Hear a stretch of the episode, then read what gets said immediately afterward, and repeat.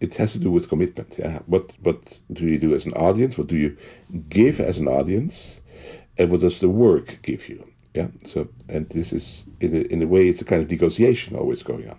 There's always a negotiation going on between the works that are there and what do you what do the works give you and what do you give to the works.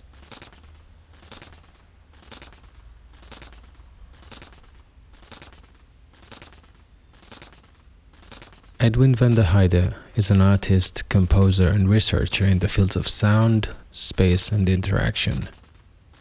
He expands musical composition and musical language in spatial, interactive, and interdisciplinary directions. His often site specific, highly immersive installations don't just take up space, they are a very deliberate inquiry into space itself and into its affordances as an artistic medium and material. Edwin's pieces create space, modifying its actual and perceived boundaries. They make up space present, apparent, and even tangible. They are carefully designed explorations of a host of physical phenomena, from vibrations in water to electrical sparks, which evoke a sense of wonder through highly situated experiences and bodily kinesthetics frequently inviting the audience to become an active part of the piece. In this podcast, we talk to Edwin van der Heide about art in public space, air pressure, sounds underwater, loudspeakers, networks, odd spatial experiences, and sonic phenomenology. Maybe a good word to start with is pneumatic sound field um, and in pneumatic sound field, I produce sound uh, actually starting from the, the, the, super simple idea of thinking sound is a change of pressure in the air. So why not uh, use compressed air in combination with uh, electric valves that can open and close to release the air and like that produce sound. It has turned into a work that uh, is is a grid uh, with a size of 20 by 10 meters approximately, a grid of 42 valves uh, above the audience. And first of all, why is this a work in public space? It's a work in public space uh, because, in my opinion, it's relatively abstract, but it relates to wind. Uh, because the air that is being released produces not only sound, also produces wind, actually produces noise because of the friction as well, the air coming out of the valve. But it plays with it. And and when there's very little wind in the environment, actually you can even, although there's still one and a half meters approximately between the valve and the audience, you can actually feel the wind also coming out of the valves. But it's also the noisy kind of aspect relates to uh, the noise wind can produce in the environment. The sound experience of this particular sound, and it's completely uh, unexpected, but something I intentionally use, is very direct and physical when you're in the indie work. It's not loud, but it's intense. Um, but when you're outside of it, it very quickly falls apart. And uh, sure, you hear the work, but the, the, how it behaves in space is very different from how working with loudspeakers uh, would work in space the spatial experience of the installation is so strong that you also really feel when you're underneath it that you're inside of it. So there's clearly an inside, there's an outside. Both perspectives are interesting. But while being inside, because of the huge scale and what happens, it really makes sense to to take different perspectives to the work, to to be at the edge, to be in the middle, to even change, rotate, to to stand, uh, let's say, with your nose pointing to in the line of 20 meters, or rotating 90 degrees and with your nose pointing uh, in the direction of the line that is perpendicular to that. This all really changes what you perceive.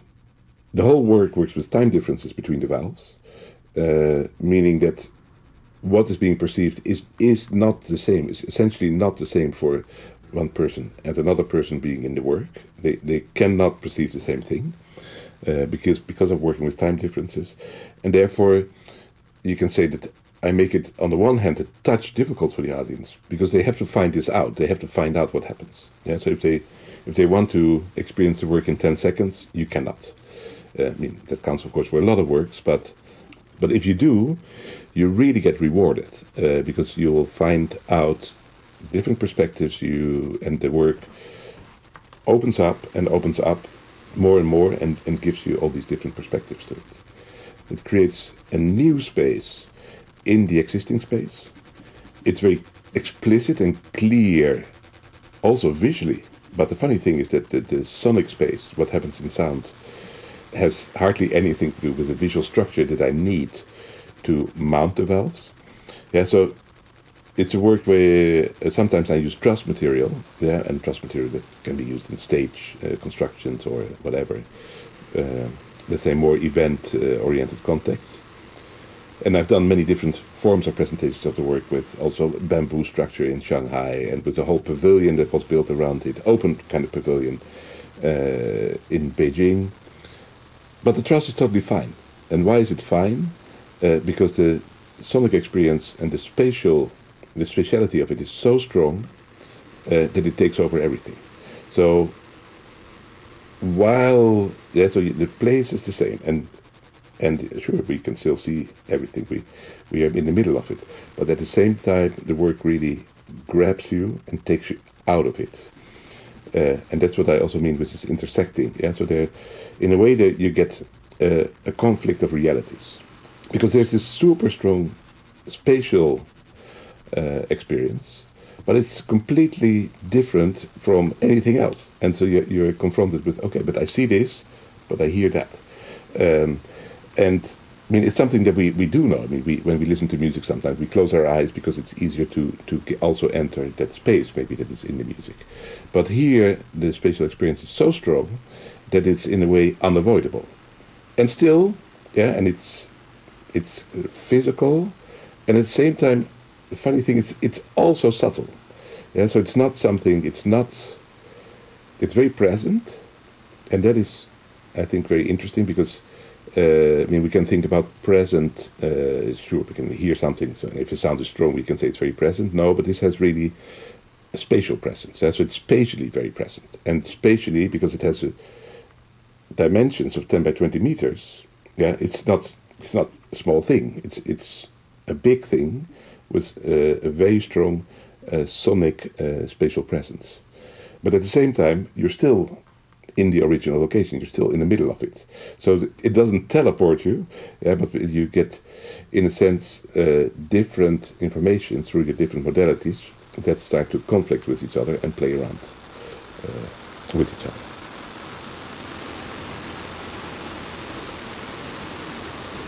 I see my work as invitations.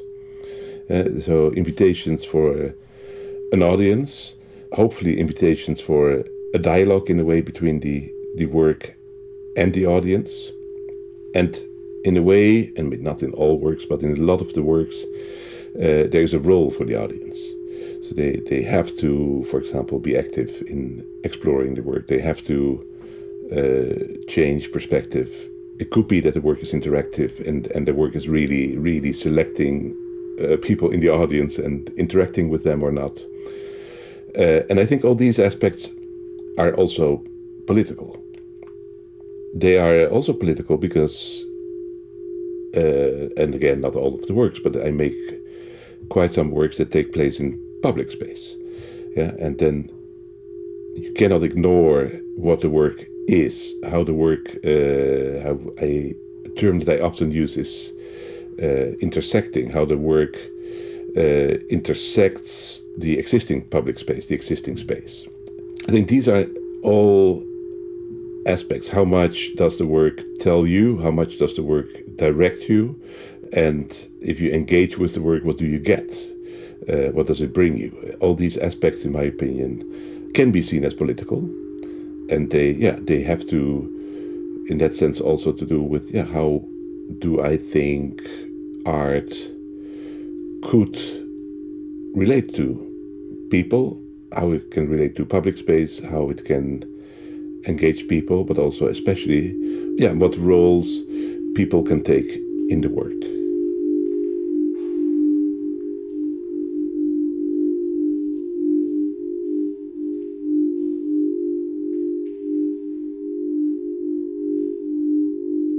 Uh, there has to be somehow a relationship between the location itself and the work. Uh, in my work, that's never a narrative relationship. So it's a more abstract relationship that has to do with dimensions, functions. Uh, there has to be space for the work, but it doesn't make any sense to, to place a work somewhere where the, the, location doesn't doesn't have space uh, for the work to, to be there. And everything around it, the visual aspects, the sonic aspects, have to to be done in such a way that it's not too invasive while uh, really inviting and being able to reward you once you start to, to engage uh, with the work. Yeah, but being inviting is is important also because if we think about public space, there are always people who think that they, they own that space, that it's their space. Uh, and there's nothing you can do about it. Yeah, I should not. I should not try to convince them. Say, no, you're wrong, and I should not say, hey, hey, wait, it's my space. No, it's not my space. It's it is really uh, a shared space. So it has to allow uh, multiple things at the same time, while it creates new perspectives.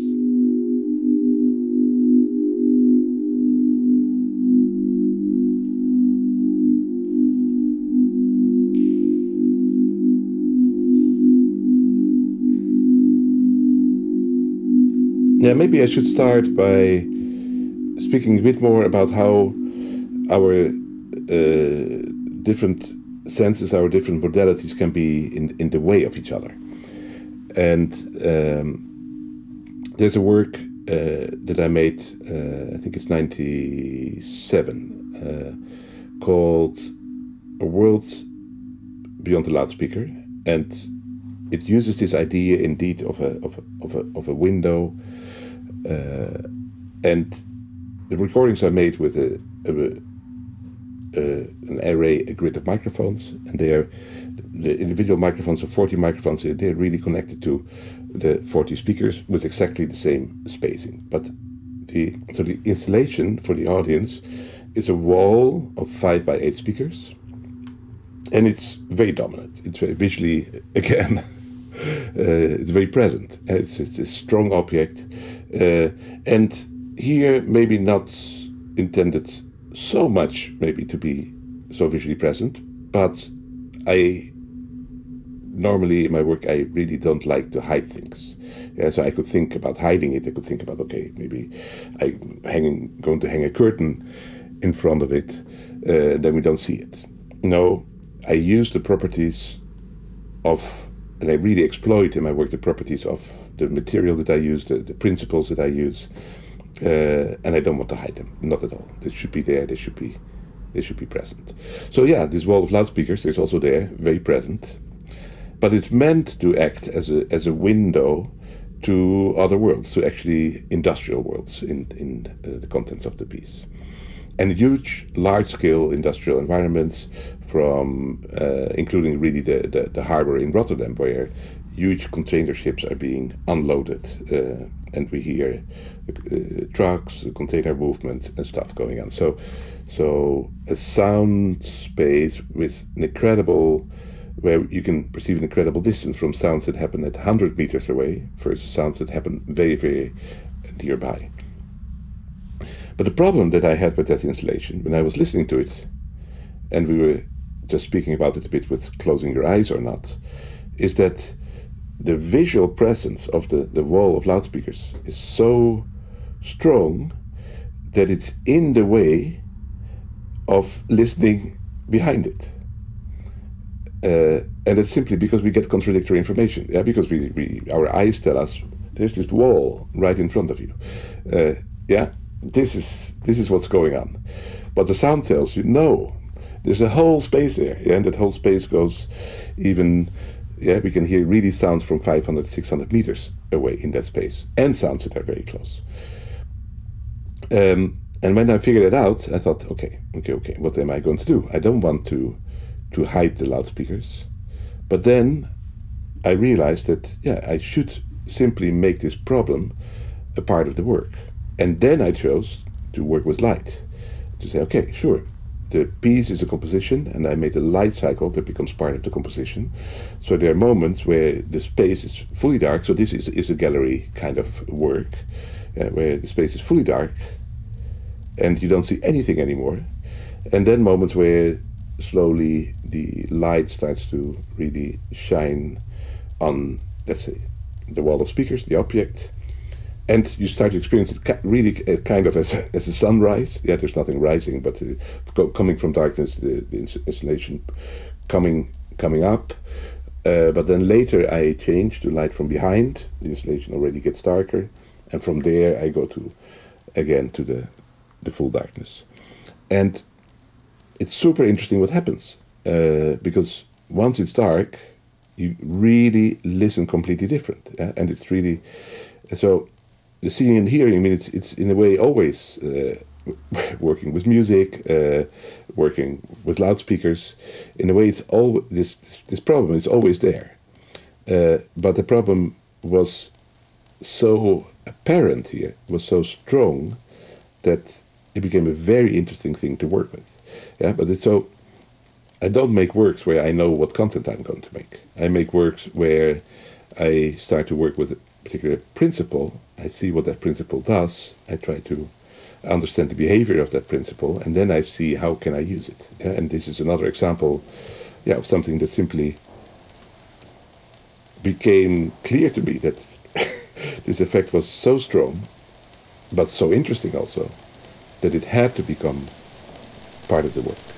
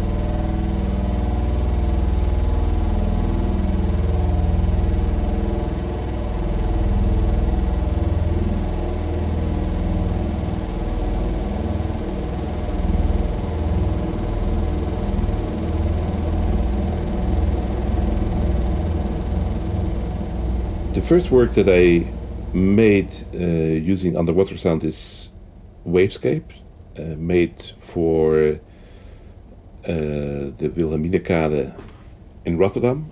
Uh, the Erasmus Bridge, famous bridge, was just built, and and in a way, although uh, well, I mean the the river uh, is really separating Rotterdam in two parts, and there was a former industrial part being redeveloped not too much housing yet. Now there's a lot of housing, uh, expensive housing, um, which which gave me a lot of freedom of what I could do there, and also what what I could do there, sound wise, and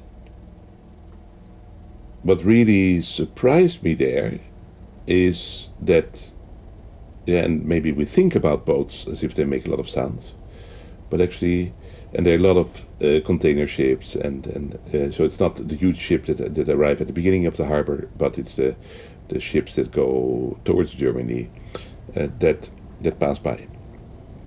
And we see these, yeah, nevertheless, no, not not the, the, the biggest, not the 400 meter long container ships, but we see, nevertheless, boats of 50 meters, 60 meters, uh, 70 meters long, that pass by and hardly make any sound.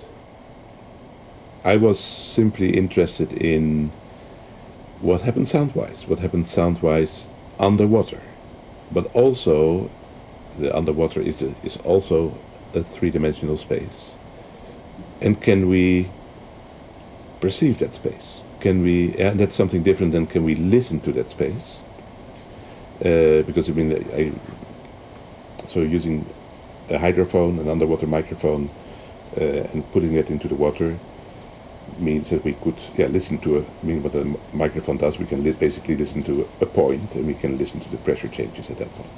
So sure we can hear what's going on but thinking about if and how we can translate that space to something that we can relate to with our perception is something different and we, we can get into uh, ecological aspects here too which I do and I don't do with my work in the sense that I'm not adding uh, any ecological message to the work.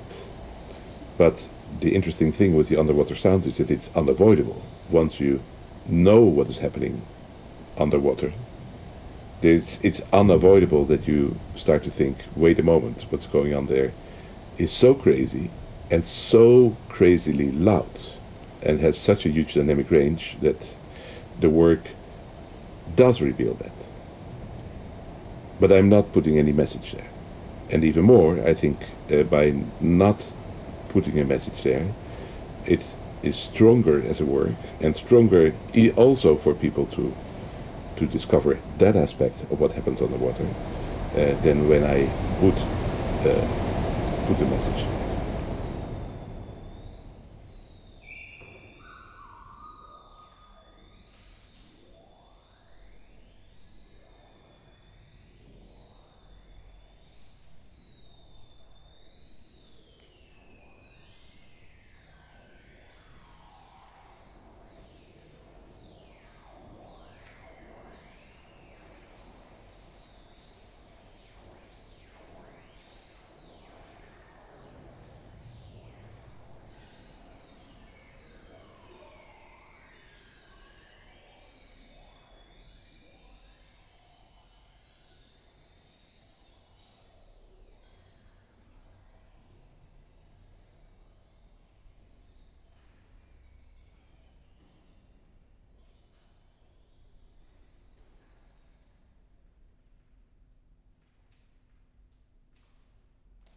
When we are underwater, uh, it's not mainly our eardrums that uh, move because of the sound underwater. It's actually bone conduction. Yeah? So it's the, the skull, our skull, that receives the waves underwater. And uh, these waves get conducted through the inside of our head to our inner ear. So the skull is the membrane for our perception, uh, and not so much uh, the eardrums.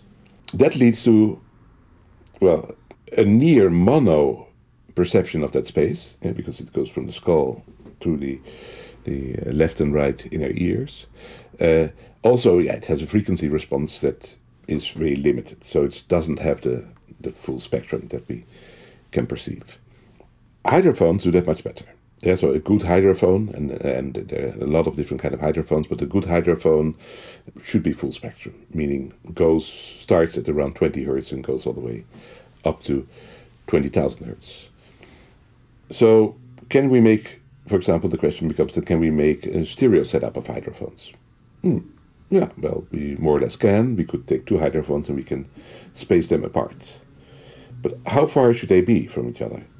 Uh, yeah, in a normal stereo microphone setup, if you use two microphones that are spaced apart, you use normally something like between 60 and 80 centimeters.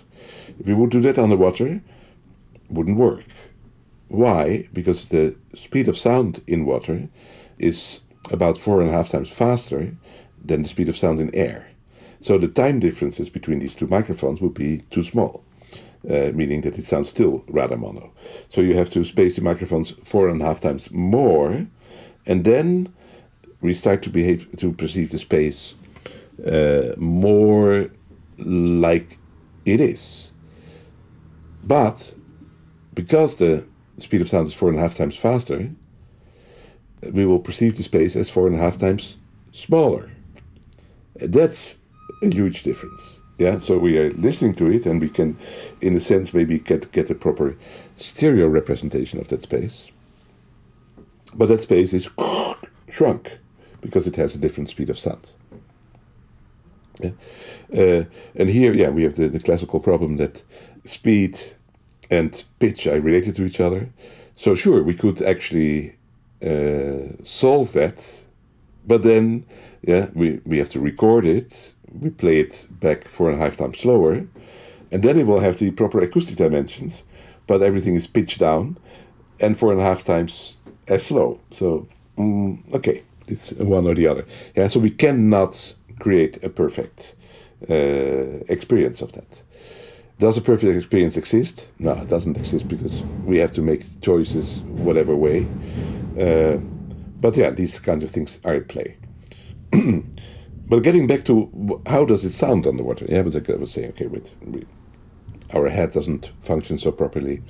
I was expecting to hear very different sounds. I was expecting to hear the engines of the, the, the ships passing by. But they are hardly present. Sometimes a bit, not too much. And very often I heard a kind of sound like. And what I learned, the propellers of the ships, they, because of their movement and because of the water, not, uh, yeah, uh, turbulence in the water, actually vacuum is being created around the screw. So we have vacuum balloons in the water that then implode again. And this gives a kind of percussive sound. And this, uh, so these screws or propellers or whatever they're called um, in English, they create so much turbulence that it results in vacuum bubbles that then, when yeah, the, the, propeller moves on, we get uh, implosions. And that is an incredibly strange but interesting uh, sound. And the funny thing is, that's the, the, thing we hear most. And and we can have speedboats that can be super, super loud and very high pitched with their, their propellers. But also, what happens, and it makes me think about, for example, a bird in the air. If the motor is off, it hardly produces any sounds. It's silent. Yeah, just like how a bird is, if it doesn't move its wings, is uh, flying through the air. So to understand that space and to know what's going on and to interpret it, you have to readjust yourself. You have to recalibrate yourself. There are new things at play that that, uh, and it doesn't do what you expect it to do. It doesn't behave the way you expect it uh, to behave. It's a big disappointment. No, it's not a big disappointment. It's a, it's a, it's a discovery, but it's a question also like, okay, wait a moment. But if this is what it is, what can I then do with it? What is what makes sense? How how do I use it? Yeah, and the the Wavescape installation in Rotterdam, there I used 24 hydrophones and 24 speakers to really try to to in a way make the underwater sound uh, continue on uh, acoustically uh, on the site. The dynamic range is huge, but there at that location at that moment, I was able to do that. I, there were no neighbors, so sometimes the installation would be very quiet, sometimes really loud. Uh, uh, you would hear, you would hear sounds of ships already way before you would see them. Uh, yeah, so uh, sound on the water travels very far, so you, you hear something, but you have no idea yet. But you hear it getting louder and louder and louder, but it takes time. It's really minutes, minutes, minutes, and then all of a sudden, I wait a moment, that's that's it, and then you start to relate it to each other. So it plays in a completely different way with again, what do we see, what do we hear, how do we perceive that space? Uh, it reveals aspects that uh, that we are not aware of, but also, yeah, it's um, to me, and also I would, uh, and that must be the same for an audience. It brings things that you did not expect at all, and expect in. I was wrong in what what I thought uh, how the underwater would sound, what sounds would be produced there. The, the most interesting thing about the underwater sound is that it doesn't sound like underwater. And what do I mean there? That if you do it properly, you have good hydrophones, and you, for example, do a proper stereo spacing, and you listen to it, it just sounds like an acoustic space. Yeah, uh, you don't, and sure, you hear some water, watery kind of sounds, but what produces these watery kind of sounds is the waves uh, on top, yeah, the surface waves that hit the side that start to make sound. And this sound is identical above the water as underwater. Yeah? And it doesn't, otherwise, it has no additional watery aspects to it. It doesn't sound like underwater. Yeah? So a good underwater recording sounds has strange sounds in it. It's weird, and strange things are going on, but it sounds simply as if it could have taken place above the water.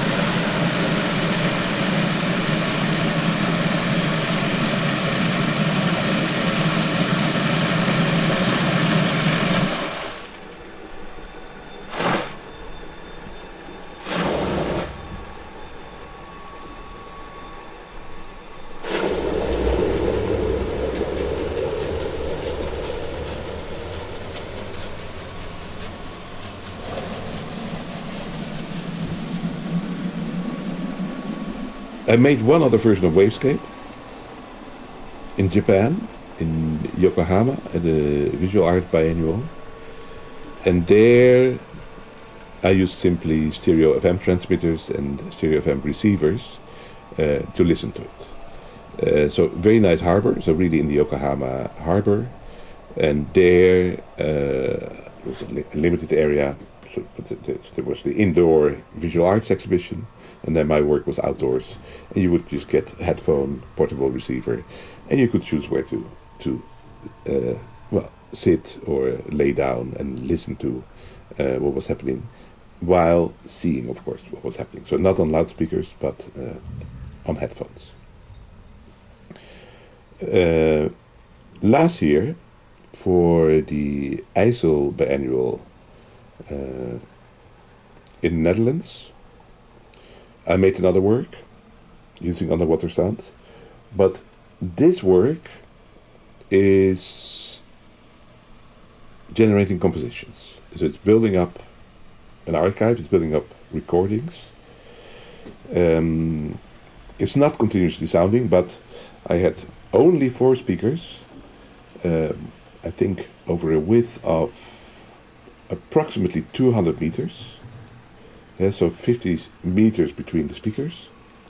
But on the other side, in the water, but almost on the other side of the water, so also 80 meters away from the audience. Four speakers, 200 meters wide, 80 meters distance. And there I made a mix between, sure, the live sound, and if the live sound would be very present, I would use that. But the quieter the live sound was, the more I started, uh, it's a generative process, but start to use the recorded material, but also transformations of that recorded material. Uh, very simple transformations. Transformations in slowing it down or speeding it up a little bit. Playing with these dimensions. One thing that I had not so much expected and really benefited uh, to the work is that these 80 meters in between the speakers and the audience, a lot was happening in between there by the wind. And this I never experienced so strongly as in this context is that you know, think about the sound propagating through the air to you, that the wind is doing this to it. So I was getting an additional present from the environment where time differences between speakers started to happen, um, partially because I was creating them, but partially because the environment was starting to create them. So the environment was simply the, the, the, air, the wind, was modulating the spatial experience of the work. And that's something that we are maybe also familiar with, thinking about outdoor festivals or other things. But here, all of a sudden, it became very apparent and uh, unexpectedly was a big uh, contribution to the work.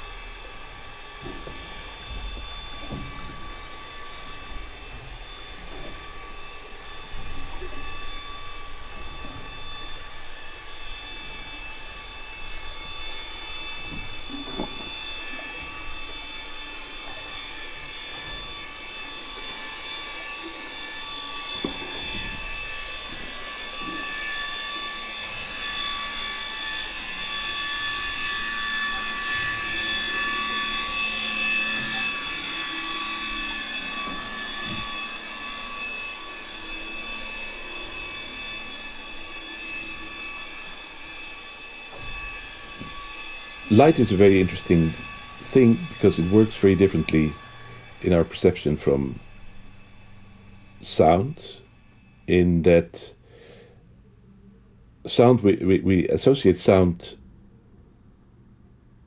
in most cases let's say almost always uh, to the source.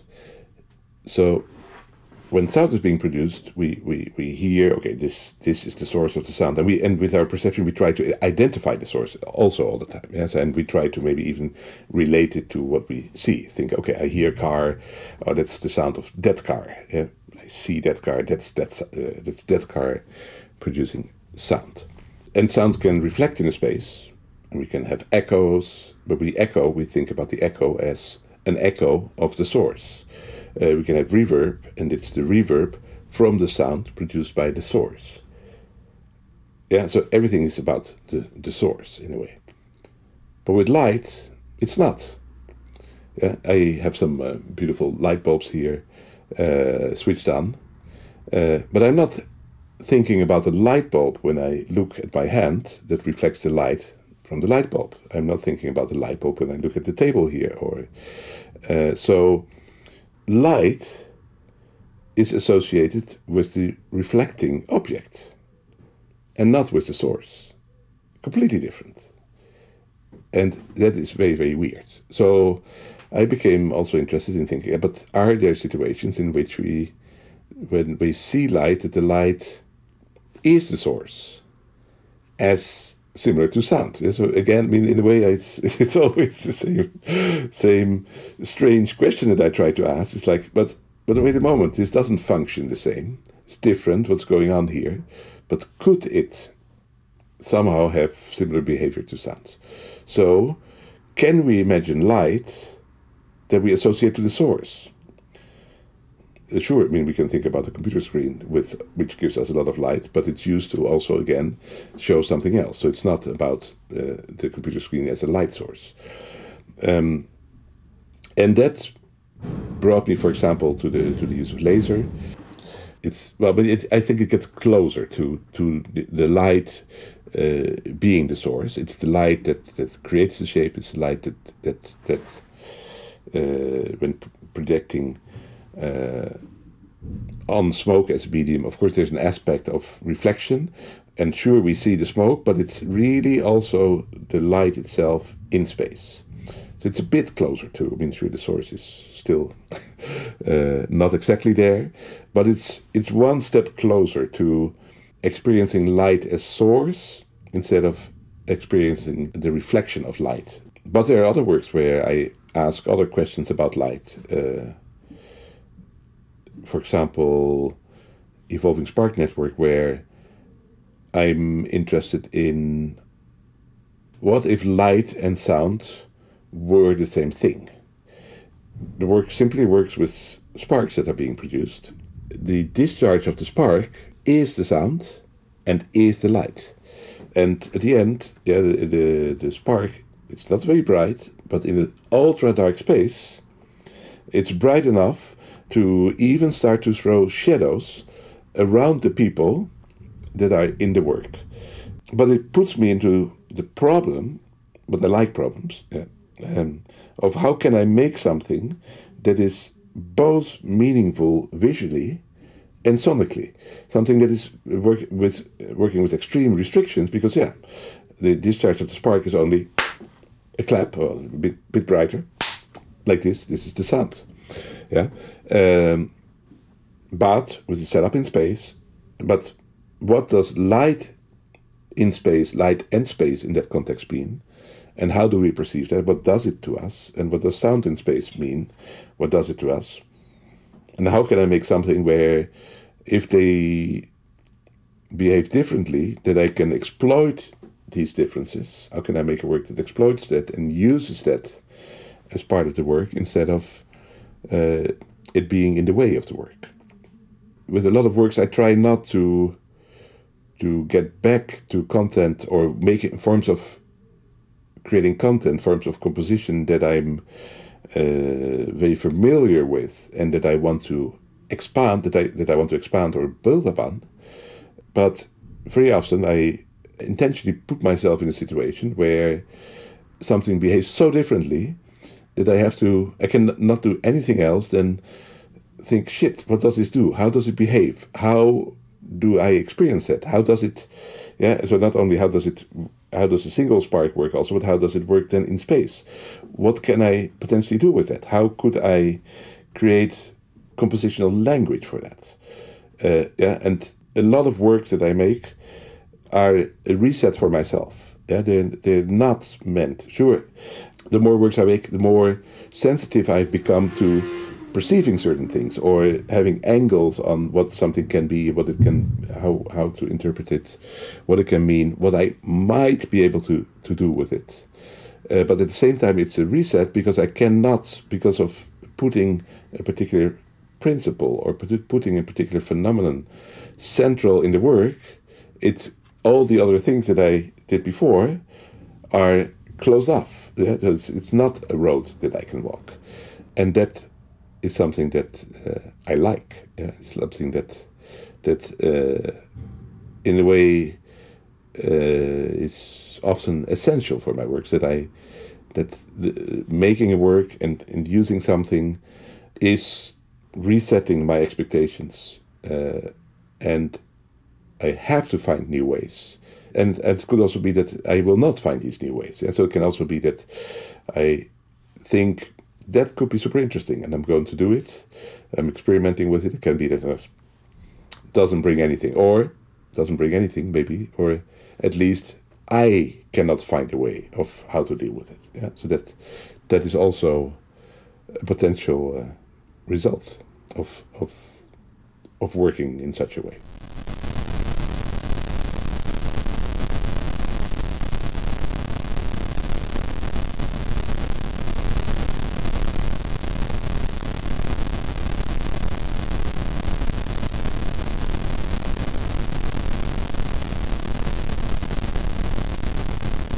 the notion of the network uh, in my work is also a notion of a, of a network in space. So it can be that a network, it could, could even be that, let's say, an approach that's being used does not necessarily have spatial qualities, but that is, is uh, in my work is given spatial qualities.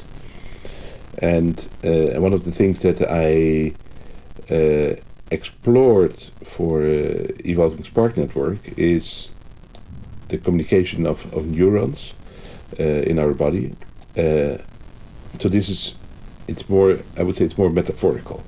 So I, I started to, to get quite a bit of experience with uh, simulating uh, neurons in, in, in software. And why do I bring up this relationship? I bring up this relationship because of well, neurons being being a whole complex network in, in our, our body, but neurons actually really firing. Yeah, so the potential at the neuron, um, at the at the synapse of the neuron has to build up, and then the neuron fires, in a way like yeah, we can say, the neuron sparks, and it's this network work of sparks that uh, decides what happens and not, and the and the and the weighting of these impulses between uh, the different uh, synapses. I, I, think a lot in my work about uh, dimensionalities, networks in that sense, in in dimensions, and even the funny thing is that even sound propagation, we can think about it as being networked because the all the uh, atoms in the air they get displaced only temporarily and they pass on the pressure to their neighbors. And so even there, uh, we can think about yeah, sound in space as being a networked kind of behavior. But in this network behavior, it's always, and for me, it's always about transitions in how do we perceive that, because and these transitions, perceptual transitions in how do they work for our ears? How do they work for our eyes? Uh, when do we see movement? When do we see something as two separate events? Yeah, the same, I mean, a very simple thing. It means just cinema. Yeah, we have a certain amount of frames per second. There is no movement whatsoever, but we start to th- see things as movement. But such a transition is super interesting to to use in a spatial context and to to use as behavior of, of a networked context as well. Uh, working with aspects like that in sound, working with aspects like that visually is very interesting because it allows you to start to enlarge space, to shrink space, to transform space. Uh, and the, these things are not identical, but these are principles that work both in a, in a sound context and work in a visual context.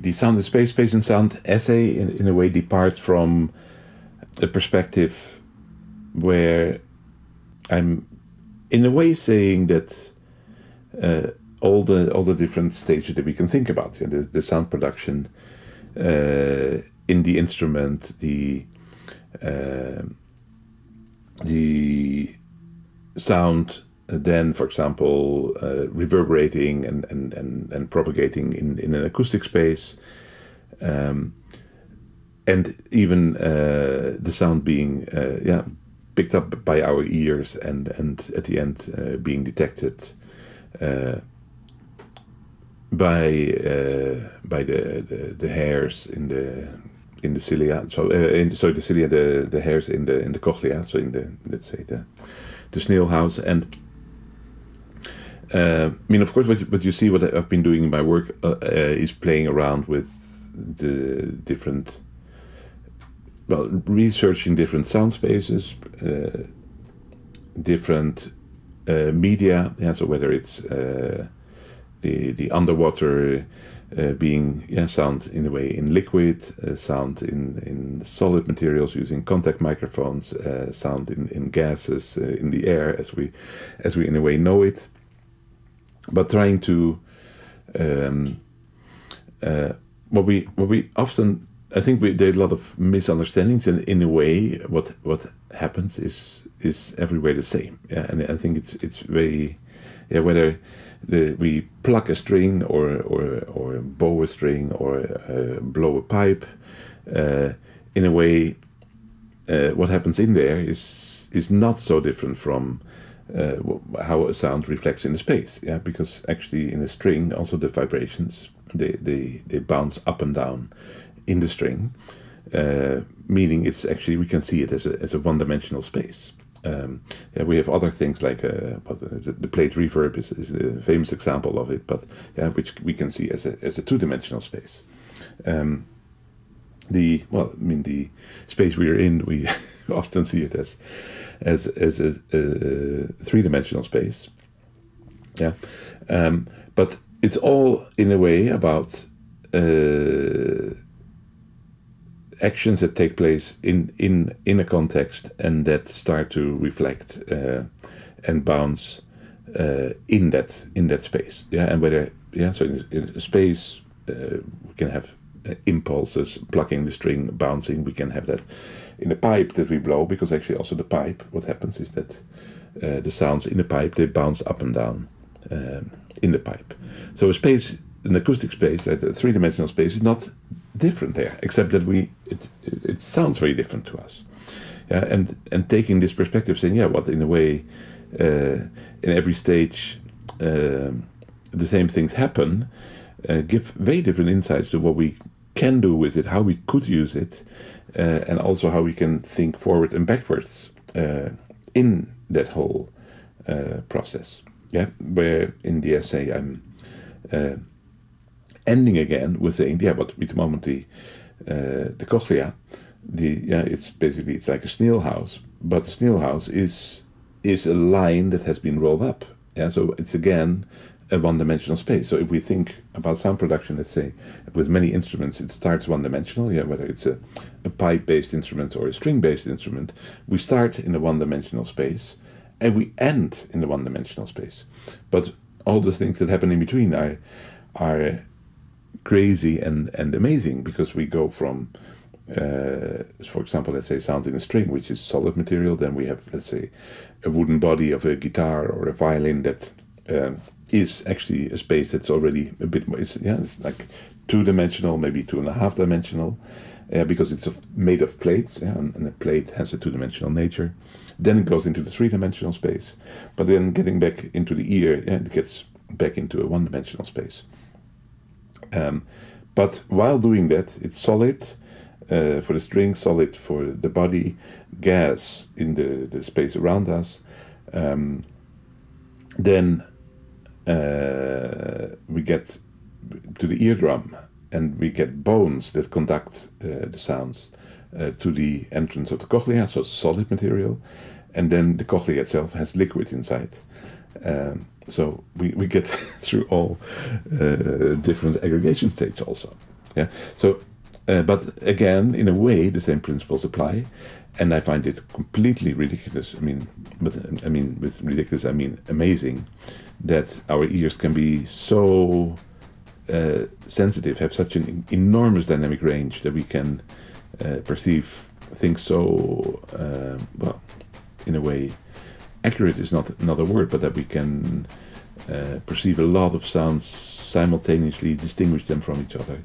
Yeah, uh, that is while all this is is happening and taking place. Is I think something really amazing.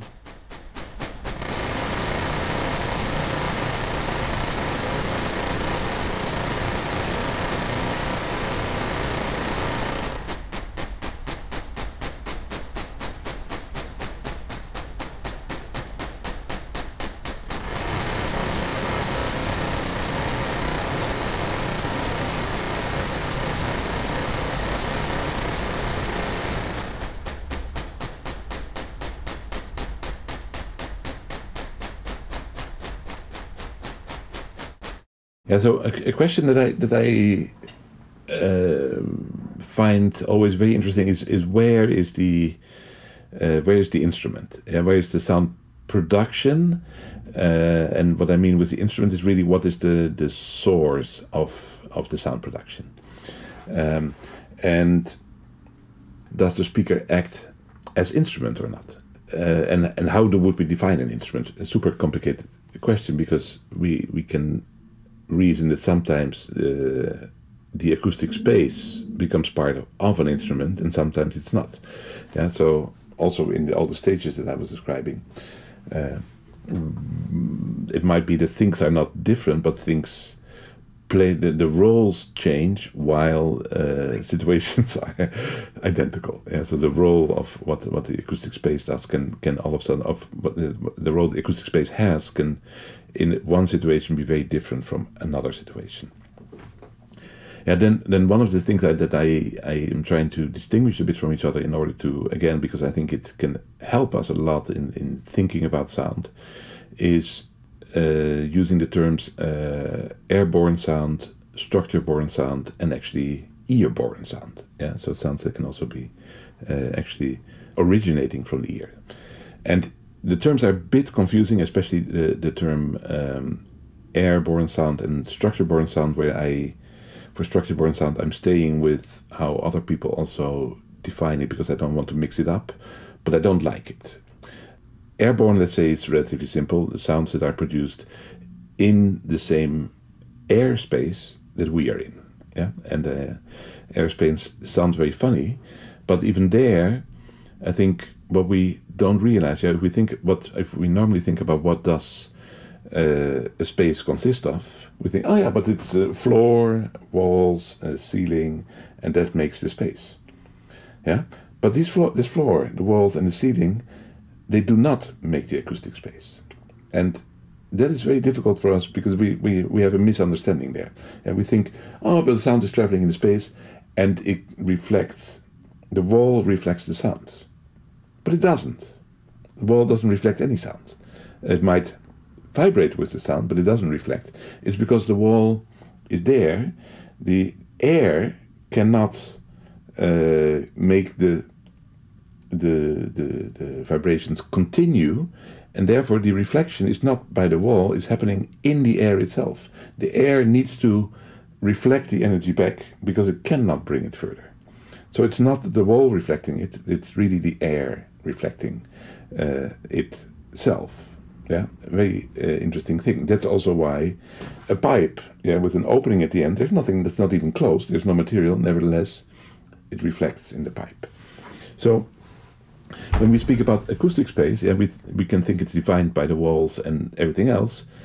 Partially, of course, I mean they, they have an effect because they can absorb uh, the sound or they can start to vibrate with it or not. But if it doesn't vibrate with it, like let's say a solid concrete wall, the wall doesn't do anything, and since the wall doesn't do anything, the sound reflects. Yeah, it's not the wall that makes it reflect; it's the wall that doesn't absorb it, doesn't make it continue, and therefore.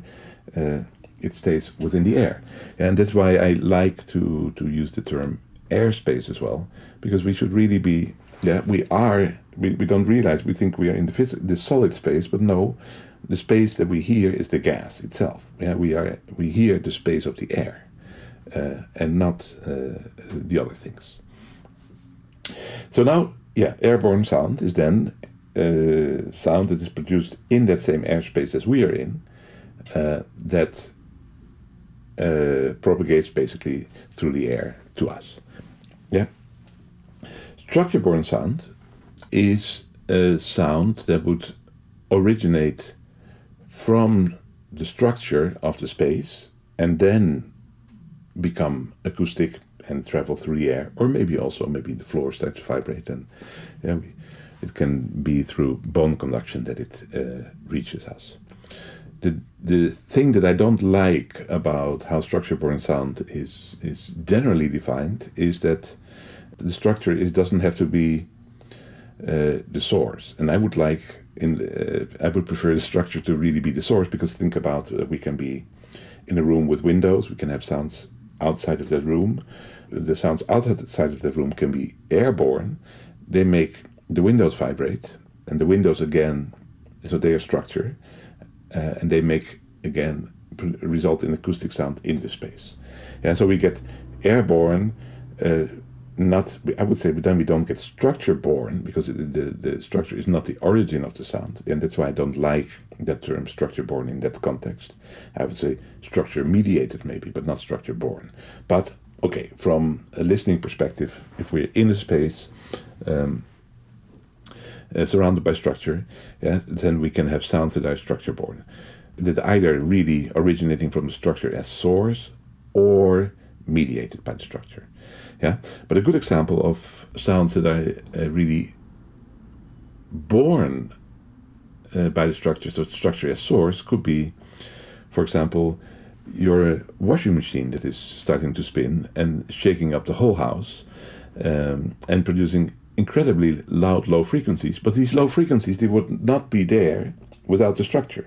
And we can have this washing machine that the washing machine can be shaking, but it doesn't produce any sound really. It only produces shaking, and it is because it makes the structure move and the the structure starts to act as a membrane that all of a sudden we can be in in very strong uh, depending on the floor yeah, a, too strong concrete floor wouldn't do much but a nice wooden floor could really become a very uh, good membrane for uh, low frequencies and maybe even uh, infrasonic fre- frequencies. Then from there we can question ourselves. Yeah, okay, wait a moment. So we have sounds that are originating in the airspace, sounds that are originating in in the structure uh, surrounding us. But do we also have sounds that are originating, for example, from inside of our body? Yeah, and of course we know that we can have sounds um, made by our stomach, stuff like that. But also we, we know that we have sounds that uh, that uh, our ear can be producing frequencies itself. Yeah, after having heard a loud sound, uh, uh, tinnitus is of course uh, a good example of that as well. Yeah, sounds that don't exist outside of us, uh, they are produced inside of us. Sometimes, I mean, depending on what kind of ear-borne sounds we speak about, they can be measured. Yeah, and even it can be uh, these. So the, the, they can be real. Yeah, they don't have to be happening only on the neurological level. They can be really happening as vibrations in the ear, uh, and some of them they do not happen in the ear and and only uh, happen as uh, neurological impulses. And a very a nice example of of tones that originate from the ear are, are the uh, ear tones, for example, of Maryanne whi- where she uses uh, distortion happening in the ears. Yeah, so it's not it's not existent when there's no other sound, but she chooses combinations of frequencies, uh, plays them very loud, where the ear starts to distort substantially, and this just uh, the the distortion results in new frequencies being produced inside of the ear that were not present in the signal outside of the ear. Yeah. And the interesting thing there, and I find it partially also surprising, is that uh, we really perceive them as being originating from inside of the ear. Yeah, so we it's a completely different experience from uh, hearing acoustic sounds reaching the ear. Uh, very interesting and, and strong experience.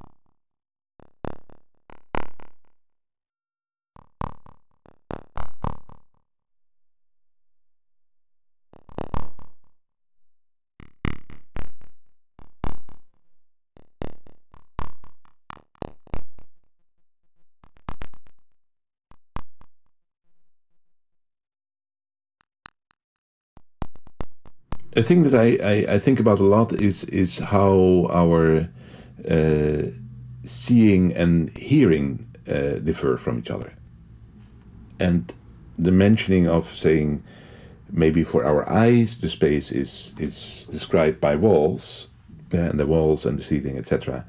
They make uh, uh, the space. Uh, for our ears, it's really the air inside that, that is the space, yeah, and that results in in, in what we what we hear. Uh, but since we don't see that air, we, we don't necessarily think about it. But it's really the air that is that that is the space. Yeah. Um, but things um, there are there are a lot of differences between uh, seeing and hearing, and they they maybe relate to time. Um, but with sound, we always want to relate the sound to the source. Yeah, so we hear something and want to know, okay, that sound, uh, that is that and that originates from there. That is um, that car passing by. That's that dog that I hear. That is uh, I hear what's making that sound. Oh, it's uh, whatever the the kettle on the fire, um, and so we are always occupied with understanding what the origin of the sound is, what the source of the sound is. Yeah, and most of the time we, we do simply hear it, and so we are perfect in in identify. We hear the sound and we we know we, we, we know where it comes from. If we don't, we are a bit more confused, and then we uh, we can be in situations where we want to ident- identify that clearly, so we know again. Okay, wait a moment. That's the that's the origin of the sound. Yeah. So, and yes, the we the I mean we have been speaking about acoustics. We have reverb. There's stuff going on, uh, and all that reverb we don't really we don't think about uh, the reflections happen in that acoustic space as if we hear sounds all around us. Uh, but no, we still associate that reverb. Yeah, and that, think about how crazy that is. Yeah, the reverb can be two seconds long, can be 10 seconds long, and that after 10 seconds, I clap, yeah, and we have a 10 second long reverb. After 10 seconds, we'll we hear, yeah, the last tail of the reverb, it's still the clap that we hear. But it's not the clap, of course. Uh, the, the clap is already long gone. Uh, it's a lot of stuff that is maybe happening in that space, but it's not the clap. Yeah, it's still, uh, and it, it's caused by the energy of the clap, of course. Yeah, and that energy in a way is still present and and we can think about uh, yeah any kind of sound that ever happened somehow uh, that energy is still somewhere present uh, whether it's in the in the acoustic space or maybe in uh, the materials around the space yeah so uh, absorbed by walls but absorbed by walls mean doesn't mean that energy is gone it's then the energy has gone into the wall yeah so the the energy is still there um, but so in sound, everything is related to the source. But in seeing, not at all. Yeah, if I look at the wall here in front of me, the wall doesn't produce any light. The wall is not a source. Yeah. So, and sure, I have multiple lights here. I don't even care. I mean, it makes a difference. But in order to see the light, just to see the wall, I don't care whether that light that shines on the wall uh, comes from a lamp here, or a lamp there, or a lamp somewhere else uh, I see the wall. I'm not thinking about where does that light come from. Yeah. So meaning that I am associating what I see with the reflector. Yeah? The wall being the reflector of the light, reflecting it in different ways. Uh, I'm not associating it with the source. That is completely different. Yeah, and it is really, really fundamentally different. Of course, in how we perceive light, we cannot perceive time in how we perceive sound. Uh, yeah, sound anyway has time, needs time to exist, but also uh, the interesting thing is that that we can perceive the sound traveling in time because of how it reflects in a sound space, and we still can distinguish these things from each other. So so, and we get back to the source, and only in, well, I mean, of course, there's quite some. Uh, well, think about being in the mountains. Yeah, and you say hello, and we get an echo, and we get the echo back. Yeah, then we it really sounds as if there's uh, if the delay is long enough, as if there's a second source. Yeah, that is co uh, copying exactly what I was saying, and gives us then the illusion of sound coming from another location.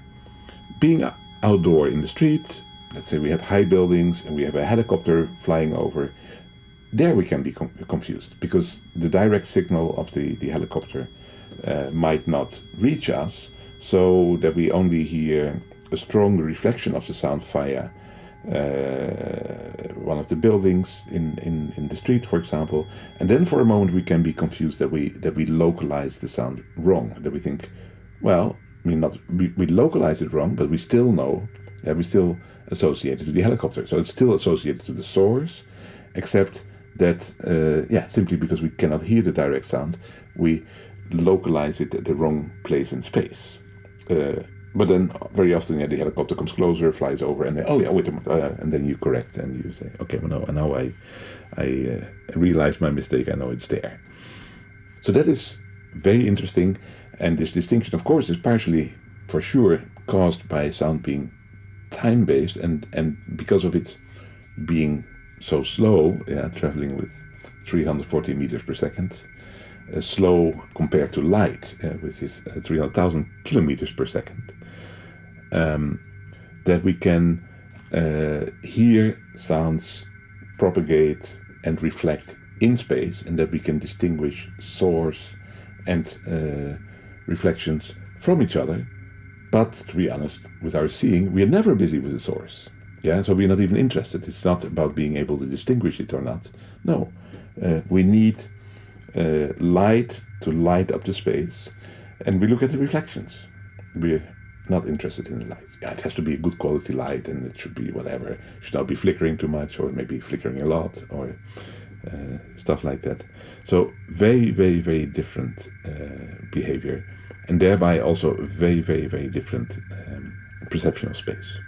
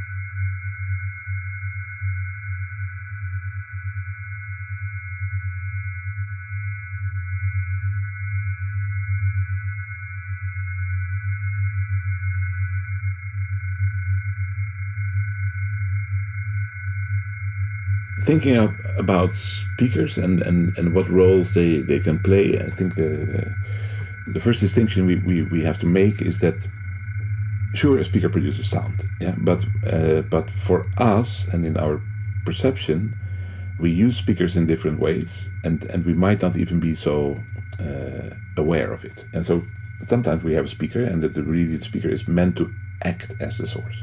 So let's let's say I'm uh, recording my voice. I'm uh, close miking it with the microphone close to my mouth, and I'm playing that sound from a speaker. And I really want that speaker to act as if it's me speaking. Yeah. So then we have the, the, the speaker very clearly acting. It's producing the sound, but also acting as the source. Yeah. So intending to be me uh, speaking.